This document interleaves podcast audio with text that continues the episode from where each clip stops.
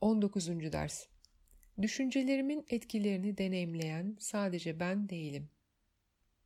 Bugünkü fikir, senin görüşünün neden sadece seni etkilemediğini açıkça söyler. Bazen düşünceyle ilgili fikirlerin algıyla ilgili fikirlerden önce geldiğini, bazen de sıralamanın bunun tersi olduğunu fark edeceksin. Bunun nedeni sıralamanın önemli olmamasıdır. Düşünce ve sonuçları aslında aynı anda oluşur çünkü sebep ve sonuç hiçbir zaman birbirinden ayrı değildir. Bugün yine zihinlerin birleşik olduğunu vurguluyoruz. Bu fikir başlangıçta pek iyi karşılanan bir fikir değildir. Çünkü beraberinde muazzam bir sorumluluk duygusu taşıyor gibi görünür. Ve hatta özel yaşantının ihlali gibi de görünebilir. Ama özel hiçbir düşüncenin olmaması bir gerçektir. Bu fikre karşı başta gösterebileceğin dirence rağmen kurtuluş mümkünse eğer bunun doğru olması gerektiğini anlayacaksın.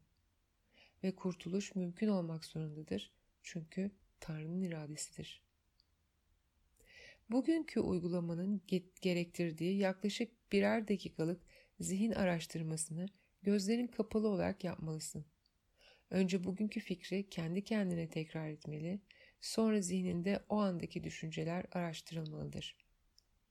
Her birini ele alırken içeriğinin merkezindeki kişi veya temayı ifade et ve onu o şekilde zihninde tutarak şunu söyle.